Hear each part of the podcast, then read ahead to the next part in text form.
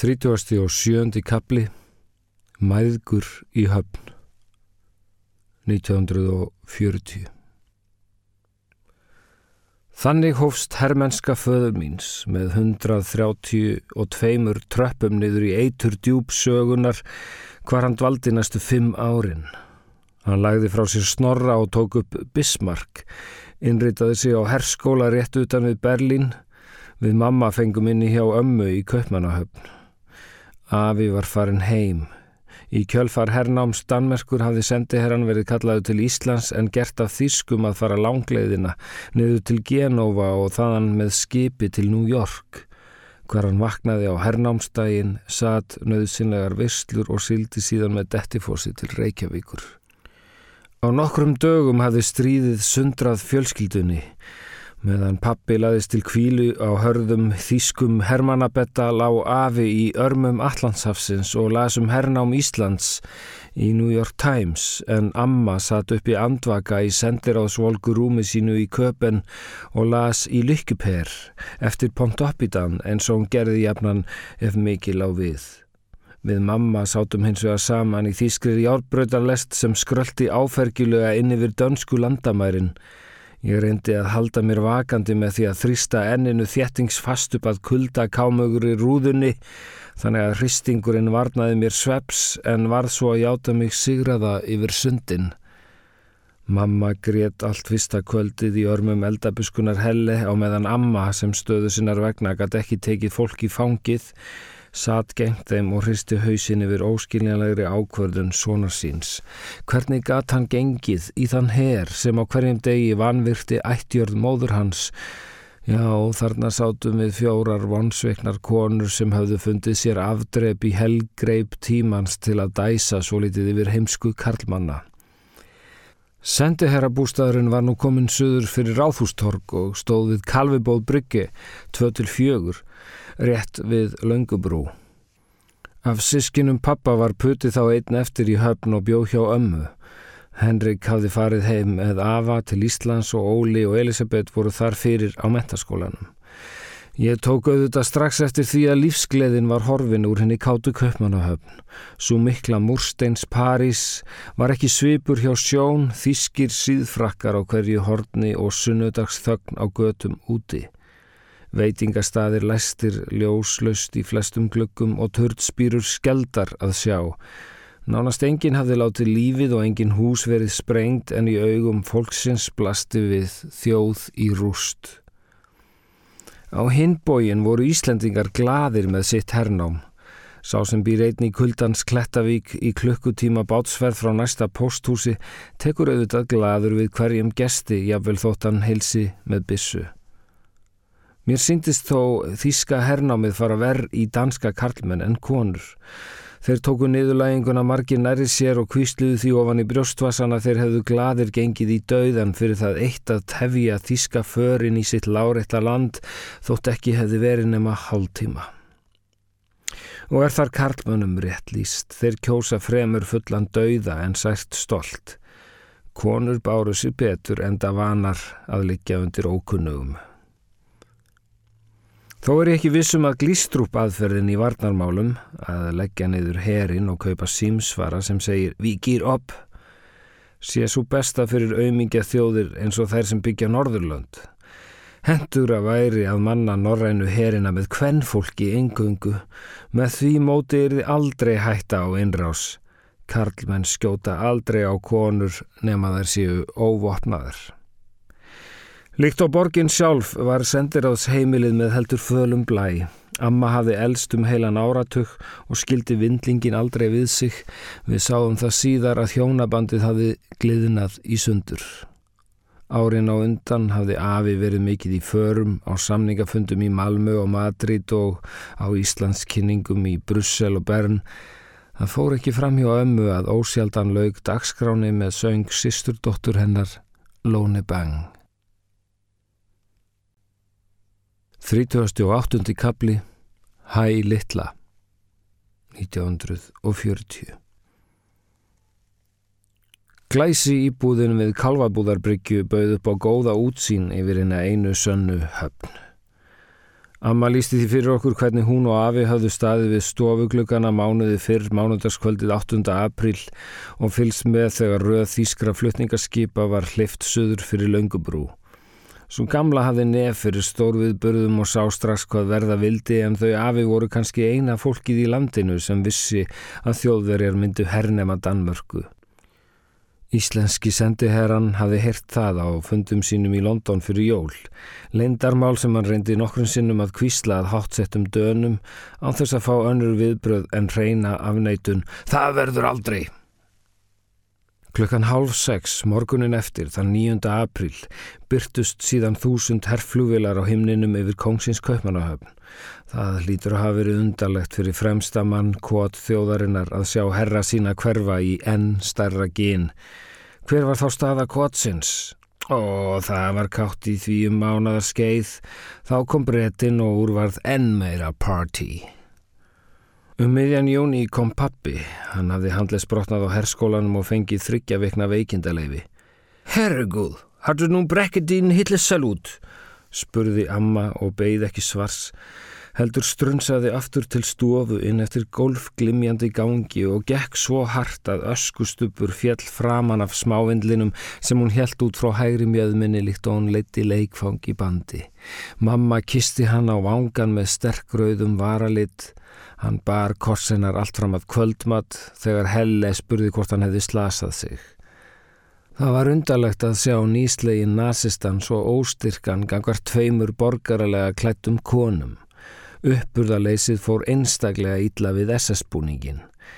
Allir herfóringjar eru óbreyttir í heimahúsum. Þá var einnig hálf umlegt að sjá hann heilsa herrum sínum utan við tífólígarðin með Hitlers kveðju í gifsi Pappi þrumaði þýskuna með íslenskum hreim en mér fannst alltaf eins og þýskaratnir helsuðu á móti Hæ litla! Sem kurtis ung stúlka svaraði ég Hæ! á móti, föður mínum til hrellingar því hæ var þá púra ameriska. Hitlers hvernig hann er ekkit gamanmál, maður hendur ekki gaman að stríði. Ég fekk áfram að sofa upp í hjá mömmu því pappi svaf einni gestaherberginu samkvæmt kenningunni Þískur hermaður sængar einungis hjá hugssjón sinni og föðurlandi. Og fóringjanum líka, bætti mamma hlæjandi við þar sem þær sátu heklandi, skrafandi og reykjandi fram í eldhúskrók hún og amma á meðan helle hræði upp í makarónugrutnum. Já, þegar kallmenn hægt að elska koruðna sínar og byrja að elska aðra menn þá fáum við stríð sagði eldabuskan ón í pottin. Pappi sá fljótt að ekki þýtti að kljást við hvenna herin á heimilinu og sneri sér í þessi stað að mér. Í minningun eru þetta bestu dagarnir sem ég átti með pappa. Okkur var fagnað allstaður utan heimilis og hann fór með mig í konungshallir og kaffihús. Búningurinn treyði óttabrós frá öllum þjónum og vakstjórum og ósjaldan fekk vinkona mín ása að fljóta með. Hún var dóttir norska sendifulltrúans og bjó á hæðinni fyrir neðan okkur kátleg stúlka á mínum aldri kölluð Óse en hétt Óshild. Hún kendi mér að spila pingpong og rommi og kynnti mér fyrir síli tempul og slöngulokkum. Pappi dreif okkur á salún og let fagmenn koma þessu fyrir í hárið á okkur og við sungum og dansuðum Animal Crackers in my soup alla leiðina heim. Nærvera pappa treyði okkur leiði til að hlæja út á götu. Amma var auðvitað ekki par hrifin af slöngulokkunum og daginn eftir þegar hún sá að við höfðum sofið á úr okkur, ég hef nú alltaf verið með ómulagt hár, hjælt hún strángan fyrirlestur yfir SS-manninum um vittleysis eðslu á peningum. En gamla konan var auðvitað komin af baunatalningafólki aftur í ættir og átti allatíð erfitt með íslensku eðslu gleðina. Satt að segja finnst manni nú stundum eins og tíeringurinn sé svo grunnur sem dönsk menning stendur á. Það þarf ekki annað en að horfa til bókmentana. Nær öll verk þjóðskáldsins þeirra fjalla um kaupmennsku af einhverju tægi vöru skipti spákaupmennsku, viðskipta heimsku, fjársjóði og fimmeringa. Ekki man ég eftir Íslendingasögu þar sem prútaður um peninga nema þeim draumi að sóa þeim yfir þingheim. En það leynist nú reyndar í mér jóskur nyrvill sem kemur út í því að ég borga öll mín göld og sektir á punktinum. Yllu er best af lokið. Ása var dökkarð og glettin en vel upp alin og stilt að hætti Skandinafa. fór aldrei út fyrir línuna sem tíminn hafði krótað í hverja stund á hverja stjett. Fóreldrar hennar voru að sjálfsögðu kvislingar og því óks ég vel í augum hennar þegar fadir minn byrtist á þýskum búningi. Sjálf stóði ég mitt á milli hans og mömmu og ömmu og reyndi sem best að vinna á stöðunni. Ég kom hlaupandi inn í eldhús. Pappi vill ekki lefa mér að fá segumóla. Hann er bara nazisti. Eða hrópandi út til pappa. Mamma leif mér ekki að fara í spariskónum í tífóli. Hún skilur ekki þjóðverðni sós... sósismann. Ása var með áskriftarkort í tífóli skemmtigarðin. Ég fekk pappa til að kaupa sliktið sama handa mér og let hana síðan lóðsa mig um skemmtigarðin eins og lísu um undraland. Við ímynduðum okkur að við varum mönaðalös börn í trilltum heimi stríðsátaka sem tóst hvað eftir annað að sleppa lifandi úr pyntingartækjum bandamanna eins og amerískur ámagsbílunum, breskud, draugalestinni og hjóli Parísar. Ótrúlegast var þó að sleppa við bráðan russabana Þá var gott að leita skjóls í speklasalnum, en styrjöldi náði einnig til okkar þar og afmyndaði andlit okkar, blés upp á okkur kinnar og enni en feldi saman augun, litlu konurnar með stóru stríðsnöfnin, Ásildur og Herbjörg, hlupu öskrandi út úr stríðskarðinum en snar þögnuðum leiðar lendi í flasina á fjórum þýskum hermönum á stjettinni fyrir utan. Ég, af hverju varstu hrætt við þá? Hún. Ég var ekki trætt við þá. Ég. Jú, þú þagnaður um leið. Ég held að þú væri með þjóðverum. Hún. Maður á aldrei að hlæja manni með bissu, segi pappi. Akkur stendur þú ekki með þjóðverum eins og pappi þinn? Ég. Mamma segir allt stríðis í einu manna að kenna og það eina sem hann vanti sér ást. Hún. En við elskum hann öll. Ég. En erstu við sem um hann elski ykkur?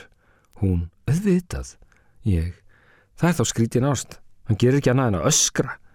Hún, já, þegar maður elskar mikið verður maður að öskra. Ég, mér finnst þetta nú verið eitthvað annað en ást. Hún, Hitler elskar Þískaland eins og handlegin á sér, segir pappi.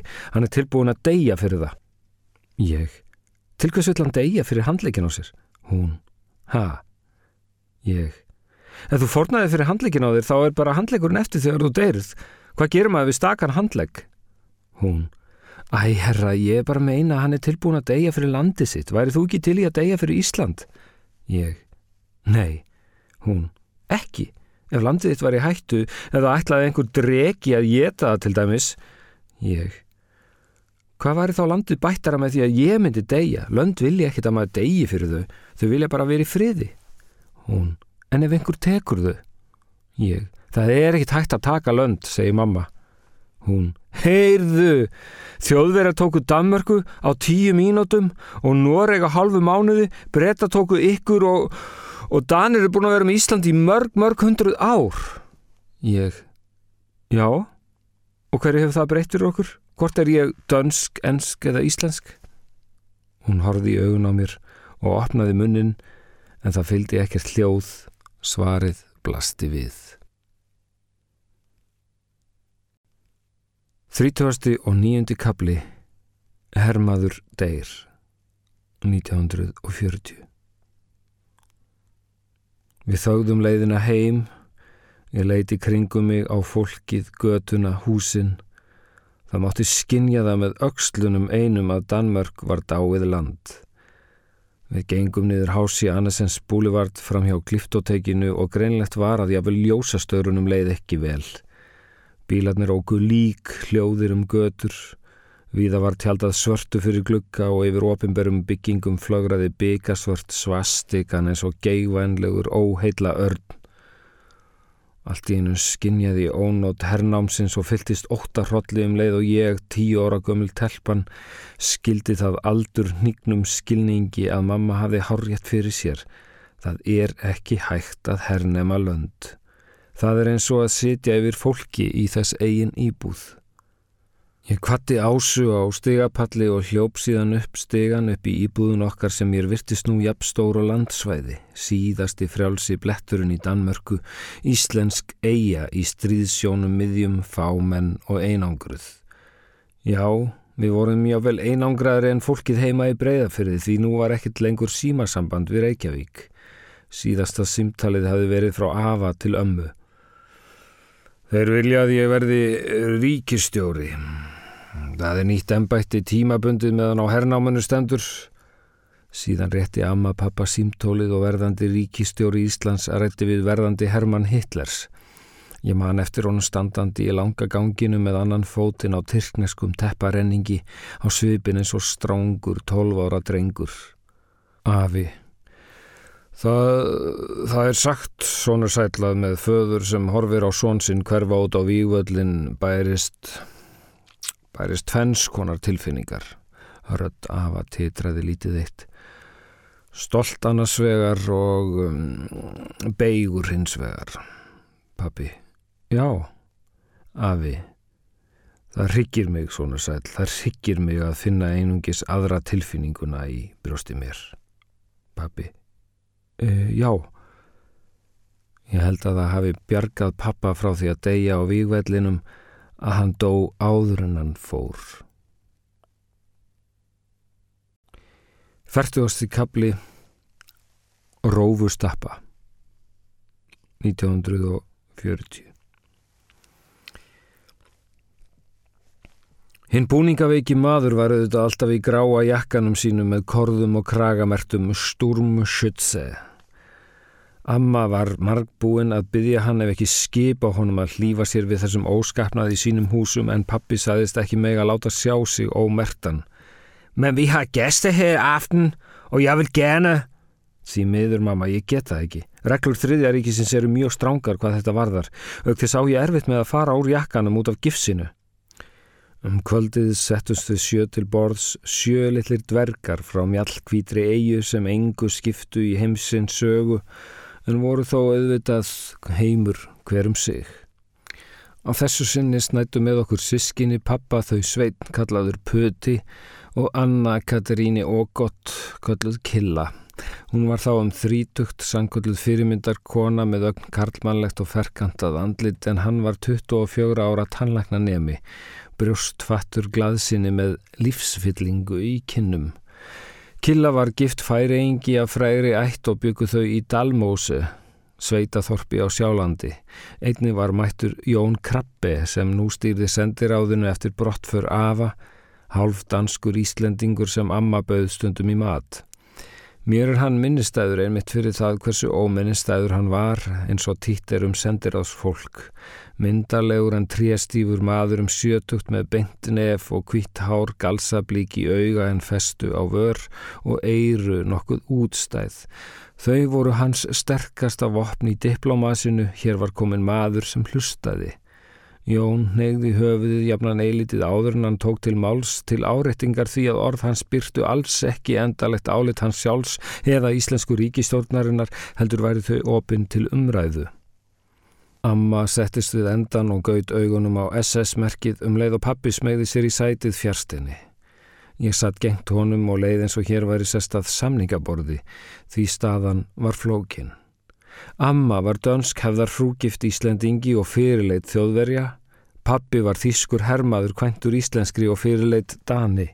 Jón Krabbe var hálf íslenskur embættismadur kvæntur danskri og þurfti daglega að bukka sig fyrir þjóðverjum. Puti var hálf danskur en bjart síðan íslendingur sem let sig dreyma um sjálfstætt Ísland. Killa var íslensk dönsk en gift færeingi sem þótti sjálfstætt Ísland út í hött. Mamma var úr breyðafyrðinum og sá alla hluti af sjó, Ég var barn í mótun. Inn kom hinn rjóða góða helle, hjælt að allir þegðu vegna þess að rófustappan og falski héran hennar væru svona ægilega missefnið og hofa tala í flíti og fáti. Var ég nokkuð búin að segja ykkur sögun af Ebbe Róe? Nei, ekki. Það var eins og róubóndi heima sem hétt Ebbe Róe og einn daginn fekk hann risa rófu úr gardinum. Hún var svo stóra allir sögðunum að hann ætti að fara með hann á búnaðasýningun í Hobbró. Þar fekk hún velun og til að fagna því fór Ebbe með hann á knæpu. En þar var, var rófunni eins og var stólið frá honum. Ebbe leitaði um allan bæ og fann lóks rófuna á spilaklubi í útjæðri bæjarins. Einhver hafði lagt hana undir og tapað og eftir að Ebbi Rói eftir að Ebbi Rói hafði tapað bílinu, búpenningnum, konunni, börnunum, skónum og axlaböndunum tókst hún að loks að vinna rófuna tilbaka og gekk með hana bara út í morgunsárið þá var hann orðin svangur og ætlaði að fá sér bita af risarófunni en þá var hún bara vond. Þá var hann bara vond, þá var hann svo vond að hann gaf hann að fátakri fjölskyldu sem hann mætti á veginum. Og gekk svo bara á sokkaleistunum út í sólariprósuna með buksunar á hælónum þetta er svona saga frá Jótlandi. Við tók vandraðileg þögn og sendir ás fjölskyldan góndi stífbrósandi á eldabuskuna Þau höfðu þurft að læra það hjá sjálfum sér á frum árum íslenskarar utaríkistjónustu að grýpa ekki fram í fyrir fólki, jáfnvel þótt ræður þess yrðu langar og fella ekki dóma um viðstata, jáfnvel þótt um vinnufólk væri að ræða. Það var ekki lítið sem við fundum til okkar verandi einu íslendingarnir sem kunnu alþjóðlega kurteysi. Ja, men det var en dejlig historie, sagði Amalóks og lingdi aftur augum. Hún skipti gráu hárinu í miðju og það verndaði höfuð hennar svo tveir tykkir en snubbóttir vangir. Síðan brosti hún með því að leggja saman varirnar og kinkaði kolli til buskunar sem skildi svipin og stormaði léttfætt út úr bórsalnum um leið og hún kvatti með setningu sem stóð líkt og reykjarstrókur aftur af henni. Ég vona bara að þið hafi ekki mist listin á róustöpunum minni. Þetta var dæmingir dönsk dæmisaga. Hér má enginn skara fram úr og verst af öllu er að detti lukkubottin, saði pappi um leið og dyrnar hafði lokast. Það er nú aldrei gott að detti lukkubottin, svaraði Killa sýstir hans. Þú er búin að búa hérna of lengi, svaraði pappi. Þú heldur að þú sést dottin í lukkubottin, spurði Puti og gerði glott í þykkar kinnarnar. Káttu við, káði pappi. Nú, þú lítur að sjá það. Þú heldur að þú fái bita af þessari risarófur sem stækkar og stækkar og verður bráðum jafnstóru á Evrópa. Ertu að líka þúsund ára ríkinu við rófu? Pappi var móðgæður. Nei, ekki rófu, heldur risarófu, glotti bróður hans.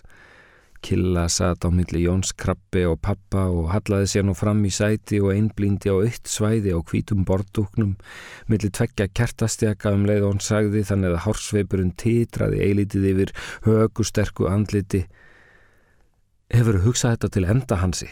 Hvað gerur þið ef Hitler tapar stríðinu? Pappi varð á svipin eins og hani sem kemur af tómum kofa. Hann hafði aldrei hirt annað eins. Tapar, gáttu við. Sistir hans skaut nú augunum á hann á þess að reyfa höfuðu og sagði Það er mjög líklegt. Það vinnur engin stríð í fimm löndum samtímis. Þá leggur hann bara axlaböndir og skóna sína undir og fær rófuna aftur hvað puti í tilraun til að leta andrumsloftið. Það tókst ekki. Nú fyrst var allt frósið við borðið. Krabbi gaut auga á bræðurna til skiptis líkt og eftirlitsmaður og únlingadansleik um leið og hann sópaði sósudreggjum upp á gaffalinn með hnýpnum. Mamma hafði lokið af disknum og sléttaði servjettur sem lág í breyðri kjöldu hennar. Puti satt á milli okkar mömmu og fekk sér gúlsopa af rauðvíni, beindi svo máli sínu til ömmu. Var þetta ekki hérna, var þetta ekki bara einhver uh, sagan eftir hann að uh, Hási Andersen? Nej, det var bare sådan en typisk gammel jysk historie, saði sendi herra frúin með tínandi höfði og potaði gafli í kjöt. Sem nú er tysk geworden, bætti puti prakkarlega við og kvittaði síðan fyrir með því að slá saman hælunum undir borðinu og lifta hægri handlegg Sig hæl! Það sem gerði þetta þó verulega fyndið var að puti lifti handleggnum á þann hátt að hann virtist vera í gifsi líkt og höndin á pappa. Ég misti út úr mér hlátur en mömmu tókst að kingja sínum.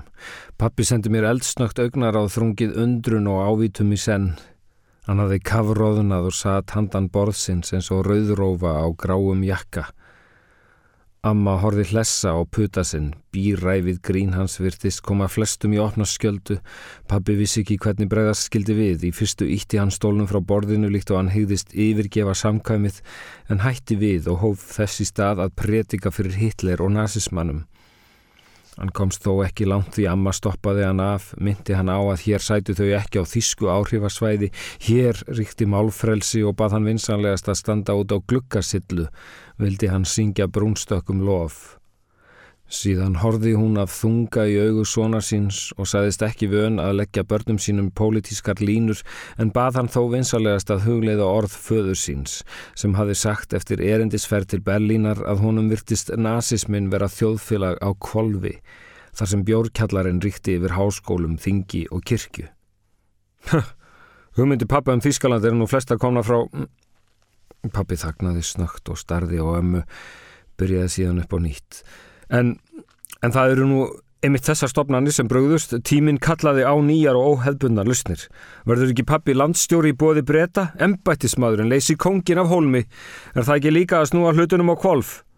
Puti leitt hissa á móður sína. Er það rétt, mamma?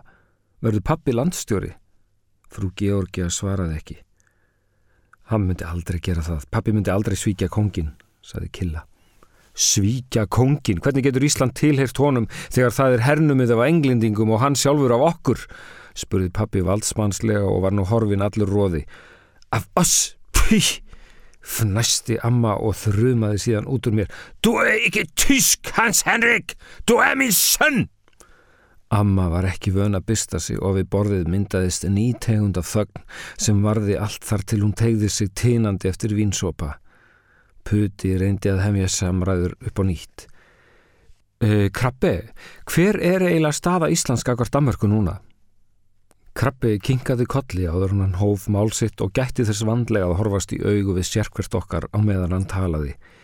Ég tel nú að á meðal dana sé fullur skilningur á því að Íslandingar hljóti að fara að einhverju leiti sjálfur fyrir eigin málum eins og sækir standa í fullri samfunnu við herrnáms þjóð sína og sama hátt á við Íslandingar. Hljótum að virða þá aðstöðu sem danir eru í gagvar þeirra ágætu herrnáms þjóð. Í ferðsinni um borðið hafðu augu Krabbes einmitt staldrað við í augum pappa þegar hann sagði síðustu orðin gagvart þeirra ágætu hernáms þjóð. Síðan kinkaði hann aftur kolli líkt og til að byggast fyrirgefningar á framleipninni. Viðstattir sátu eftir án þess að depla auga. Engin virtist hafa skilið þessi almennu kurteisis orð sem verkuðu líkt á besta samkvæms deyfing og hafi einhver skilið orð sendifulltrúans og langa til að mótmæla þeim girti hann fyrir allt slíkt með því að draga tauservietu úr kjöldu sinni og bera ofurvarlega vörum sér líkt og honum þætti sér hafa mælst helst til suppulega. Það var víst hlutverk diplomata að ganga fram að fólki með kurteysi. Því var aftur þögn við borðið þar til Jóska buskan Helle kom aftur inn til að bera fram diskana. Amma rankaði við sér og snýri sér nú að mömmu vildi fá álit hennar á sögunni af Eberói. Men hvað tenker du om Helles lille historie, Masse Bill? Já, þeir fengustundum risalúðu í netin heima í Söfnegjum. En þær voru nú alltaf til vansa, eðurlöðu netin og hliftu strákonum upp í eitthvað svona montskap. Það þurfti alltaf að bruna inn á flatei og sína gripin og svo er hún heldur ekkit sérstaklega góð á bragðið. Þetta er nú meira bladamatur en mannamatur myndi ég segja. Íll er undra veiðin, segir mamma.